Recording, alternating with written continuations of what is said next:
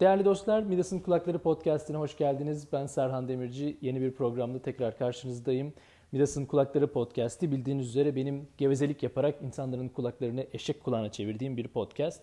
E, bununla beraber yaklaşık 10 yıldır, uzun zamandır e, uzak doğuda, yurt dışında yaşayan bir Ankaralı bir Türk olarak gözlemlerimi, düşüncelerimi, e, hayatla ilgili fikirlerimi paylaştığım bir podcast bu. Bu hafta e, dijital göçebe, digital nomad kavramı üzerinden biraz bir şeyler anlatacağım.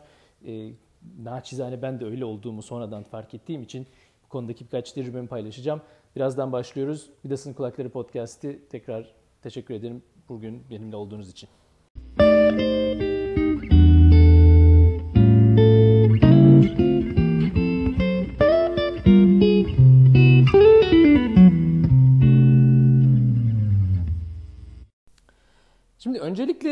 Zannediyorum dijital göçebelik nedir? Bundan biraz bahsetmek lazım. Herkes bilmeyebilir. Çok kısaca bir dijital göçebe nedir, nedir bu şeyden biraz bir tanım getirmekte fayda var.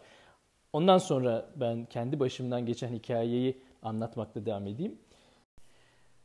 İşin açıkçası bu kelimenin yani bu tabirin ne zaman başladığını, kökenini, geçmişini çok fazla bilemiyorum. Ama tahminim e, 2000'li yılların son ortalarıyla itibaren başlamış olması gerekir.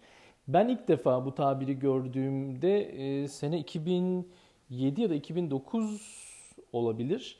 E, Tim Ferriss'in Four Hour Work Week kitabında görmüştüm. E, zannediyorum geçmişi vardır. Yani bunun çok şey bir şey olduğunu zannetmiyorum. Çok modern bir şey olduğunu zannetmiyorum ama özellikle internetin yaygınlaşması, uzaktan çalışma imkanlarının artması e, etkili bir rol oynamış olmalı. Dolayısıyla çok da eski bir şey değil. Yani bu daha ziyade e, modern zamanın, bu zaman günümüzün bir olayı. Özellikle işte yazılımla uğraşan, işte kod yazan, ne bileyim atıyorum sosyal medya e, yöneten, sosyal medya adminliği yapan kişilerin daha ziyade Y jenerasyonu yani millennial generation, Y generation tarzı e, nispeten 80 ve 90 doğumluların daha ziyade içinde bulunduğu bir e, grubun tercih ettiği bir çalışma yöntemi ya da bir hayat tarzı belki de aslında çalışma yönteminden öte e, bir 9-18 e, bir çalışma e, şeyi yerine ben daha özgür olacağım, free takılacağım abi.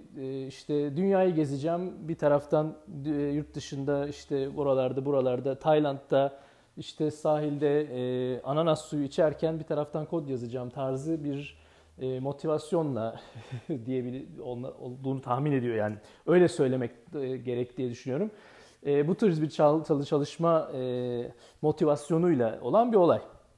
Şimdi tabii herkes de böyle mi yani tüm e, dijital nomadler de sahilden mi çalışıyor? Hayır öyle bir tabii onu iddia etmiyorum ama temel mantık herhalde anlaşılmıştır. Yani daha nispeten e, relax, daha böyle esnek bir çalışma. Daha ziyade coğrafi olarak da bir esneklik. Yani evden çalışmak da bir esnekliktir ama gidip de başka bir ülkeden çalışmak ayrı bir esneklik. E, buna dijital göçebelik deniyor. Velhasıl göçebelik buradan kaynaklanıyor. Çünkü vatandaş bir ülkeden bir ülkeye, işte bir kafeden öbür kafeye, bir işte coworking diyorlar, şimdi ortak çalışma alanı yani bir çeşit e, nis daha profesyonel bir kafe diyebileceğimiz bir ortamdan başka bir ortama geçiyor. E, ve uzaktan işte tabii dediğim gibi internet üzerinden işte e, belki proje bazlı, belki bir case bir case by case yani bir iş alarak, iki iş alarak yurt dışından müşterilerine hizmet veriyor. Dediğim gibi işte video editörlü, video editing yapıyor, işte atıyorum imaj editing yapıyor, kod yazıyor, ne yapıyorsa. Şimdi buraya kadar kadar güzel ama esas önemli olan şey aslında temelde bu işin nasıl çalıştığı. Yani bunu bu altta çalışan bir mekanizma var. Ve bu mekanizmaya e, coğrafi arbitraj demek mümkün. Coğrafi olarak bir nemalanma, bir faydalanma söz konusu. Ne demek istiyorum? Yaptığınız işi atıyorum Amerikan doları ya da euro üzerinden saatlik 30, 40, 50 euro gibi bir ücretlendirme ile yapıp harcama noktasında atıyorum Tayland bahtı gibi ya da işte Endonezya parası gibi atıyorum Filipin e, bilmem nesi gibi daha düşük kurdan harcamaktan kaynaklanan bir e, nemalanma var, bir arbitraj var. İşin temeli burada. Yani aslında dijital göçebilerin çoğunluğu daha batılı işte atıyorum Amerikalı, İngiliz, işte Alman vesaire gibi yani e, batı bir ülkesinden gelip adam doğuda, uzak doğuda ya da Latin Amerika'da Kolombiya gibi, Arjantin gibi uzak doğu dediğim gibi Tayland başta olmak üzere Tayland, Vietnam, Filipin, Endonezya gibi yerlerde daha ucuza e, yaşayarak yani daha belki az çalışıyor, belki daha az kazanıyor belki yani toplam rakam olarak baktığın zaman ama coğrafi farktan dolayı özellikle kurdan dolayı kaynaklanan farktan dolayı yüksek kurdan kazanıp düşük kurdan harcayarak oluşan o e, marjinden e, rahat bir hayat yaşama. İşin temel e, prensibi bu. Yani altta çalışan mekanizma bu. Bununla beraber önemli bir diğer bence altyapısal özellikte güçlü bir pasaport. Şimdi bu anlamda e, bizim Türkiye'deki e, heyecanlı gençler bir an e, hevesini kaybedebilir. Çünkü elinin altında bir Amerikan pasaportu varsa, elinin altında bir Avustralya pasaportu varsa ya da neyse Kanada pasaportu varsa kapılar daha kolay açılıyor. Ha, bizimki gibi kıytırık bir pasaportunuz varsa Şimdi o zaman o gözeceğim dünyayı, o dolaşacağım oraları buraları e, şeyi gazı bir anda diye sonu veriyor. Çünkü e, maalesef e, vizesiz gidebildiğimiz ülke e, çok kısıtlı Türk pasaportuyla. Ha gene tabii işte e, bu demin bahsettiğim söz bahsi geçen ülkeler yanılmıyorsam kontrol etmedim. Yani son durumu bilmiyorum ama e, zannediyorum gene de e, pasaport şeysiz vizesiz çözülebilir zannediyorum. Ama pasaport burada güçlü bir pasaport ve güçlü bir nasıl denir e, altyapı diyelim önemli bir e, ihtiyaç. Şimdi peki benim e, dijital nomadliğim, dijital göçebeliğim nasıl oldu? Biraz ondan bahsedelim. İşin açıkçasını söylemek gerekirse ben öyle olduğumu bile bilmiyordum. Çünkü e, o zamanlar bu işin dediğim gibi adı çok konmamıştı. Yani ya da şöyle söyleyeyim ben böyle olacağım diyerek yola çıkmadım. Sonradan baktığım zaman, tanımı okuduğum zaman ulan benim de hakikaten böyleymiş diye kendim fark ettim duruma uyduğumu. İzah etmek gerekirse e, Uzak Doğu ilk geldiğim zaman ben hala Türkiye'den ve bağlantım olan bir iki yurt dışı e, önceden gelen iş bağlantım e, üzerinden çalışmaya devam ediyordum. Web sayfası işi yapıyordum, yazılımla ilgili işler yapıyordum. Bir iki tane rapor yazdım. E, ghostwriter'lık yani hani gizli adım gözükmeden hani arkadan rapora destek olma şeklinde önceden çalıştığım kurumlarla. Ve bu işlemler sırasında ya euro ya dolar ya da Türk lirası üzerinden e, öden ö, ne denir ücretlendirildim. İnanması güç ama 10 sene kadar önce Türk lirası güçlüydü yani ve sabitti. Yani stabil, güçlü bir paraydı. Ee, örnek vermek gerekirse ben 10 sene, 10 sene olmadı gerçi de 8 sene önce e, Türk lirasını, bir Türk lirasını Tayvan'da Tayvan doları olarak bozdurduğumda 24 Tayvan lirası yapıyordu. Şu an bozdurduğum zaman bu yaklaşık 7 küsür yapıyor. Müthiş bir kayıp var gördüğünüz üzere. Bu kaybın aslında temel nedeni Türk lirasının dolar karşısındaki kaybından kaynaklanıyor esasen. Yani Türk lirası ile Tayvan lirası arasında değil ama ikisinin ortak e, şeyi olan, e, ortak çarpanı olan Amerikan dolarındaki değişim bizi etkiledi. Ama açık söylemek gerekirse dediğim gibi 8 sene önce Türk lirası ile bile kazanmak Tayvan'da harcarken büyük kolaylık sağlıyordu. Çünkü e, demin söylediğim o coğrafi arbitraj denen şey böyle bir şey. Çünkü Tayvan'da atıyorum kiraya verilen para Türk lirasına çevirdiğin zaman düşük bir bedel yapıyordu. Türkiye'deki kiraya kıyasladığın zaman düşük geliyordu. Dolayısıyla e, özellikle ilk 1-2 yıl e, Tayvan'da ciddi anlamda herhangi bir ekonomik sıkıntı yaşamadım. Hiçbir işim olmamasına rağmen.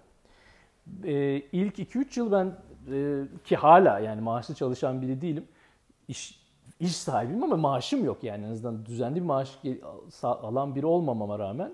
Özellikle ilk 2-3 yıl e, zorlanmadan yaşadım diyebilirim. Tümüyle bundan dolayı yani getirdiğim paranın e, daha yüksek değerden bozulması önemli bir e, faydaydı.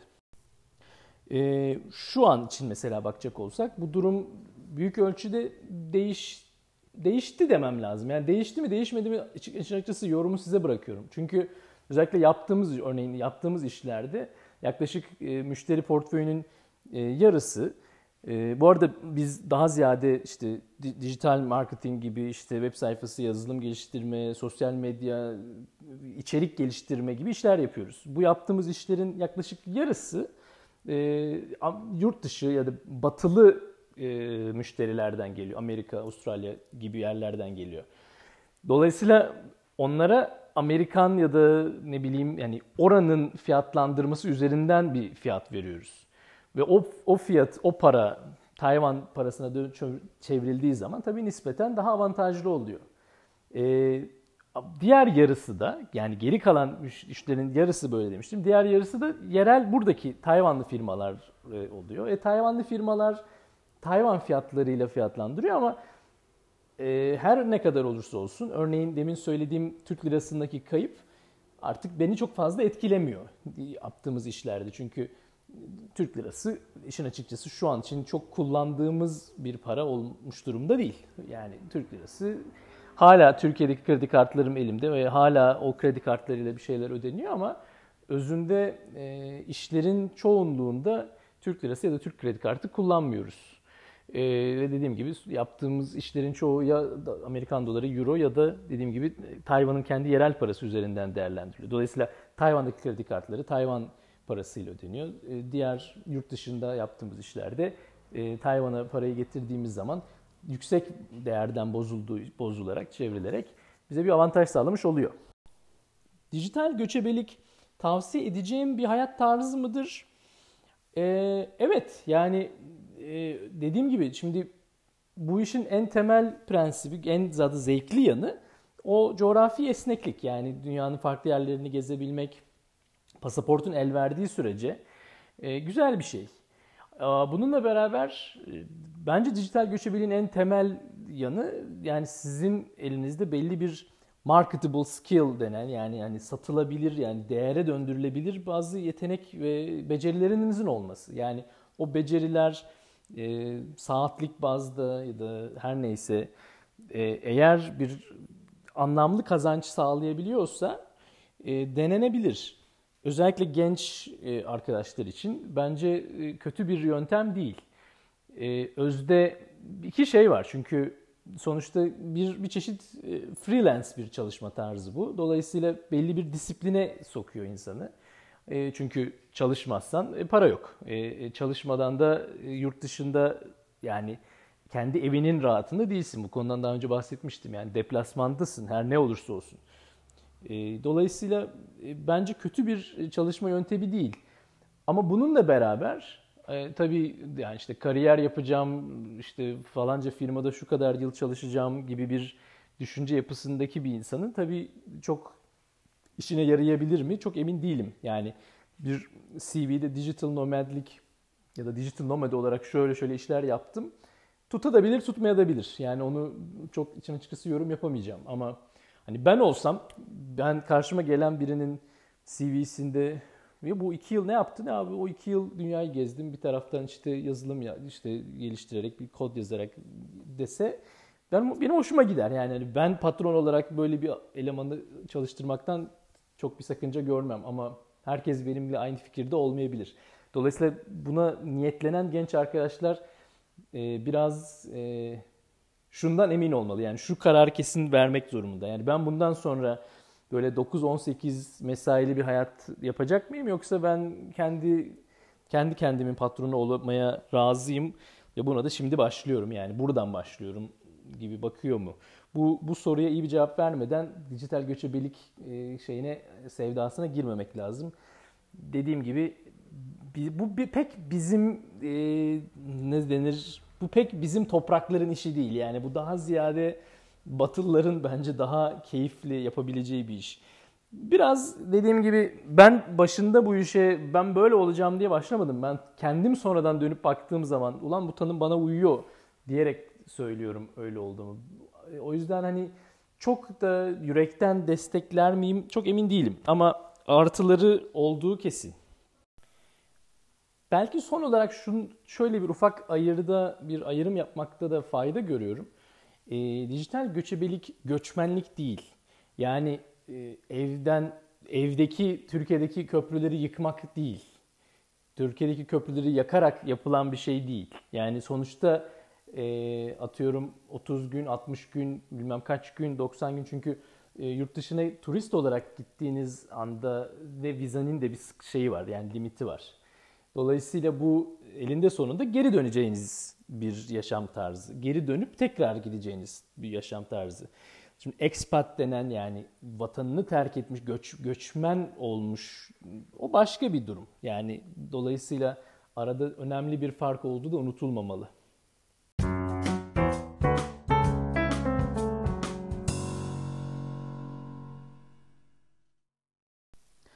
Değerli dostlar, Midas'ın Kulakları Podcast'ı ve Serhan Demirci ile berabersiniz.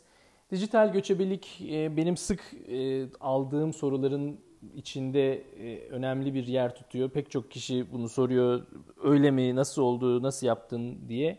Dediğim gibi ben dijital göçebe olayım diye yola çıkmamıştım. Ama özde yaptığım şey büyük ölçüde dijital göçebelik tanımına çok uyuyor.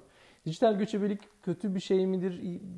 O anlamda söylemiyorum. Yani olumlu ya da olumsuz çok fazla bir yorum getirmek istemiyorum. Artıları ve e, eksileri var, avantajları, dezavantajları var. Ama ve lakin e, özellikle genç arkadaşların bence çok fazla korkmadan denemesinde fayda görüyorum. Çok e, yeni insanlar tanıma anlamında, yeni kültür, yeni coğrafyalar görme anlamında bence güzel bir yöntem. Yani turist olarak gezmektense bu çok önemli bakın bu bunun altını çizerek söyleyeceğim. Yani turist olarak bir yerlere gitmektense göçebe olarak bu şekilde gidebilmek güzel bir şey. Ama tabii dediğim gibi yani marketable skill önemli bir şey. Yani kullanılabilir bir becerinizin olması lazım. Kullanılabilir beceri yalnızca teknoloji değil yani bunu da tekrar bunu da belirtmek lazım. Yani sadece kod yazanlar böyle bir şey yapabilir anlamında söylemiyorum yabancı dil öğretmenliği düşünülebilir. Atıyorum ya yemek e, öğretmenliği düşünebilir. Yani yemek yemekle ilgili bir bilginiz ya da yeteneğiniz varsa e, spor yani yoga hocalığı atıyorum ne bileyim yani var oğlu var.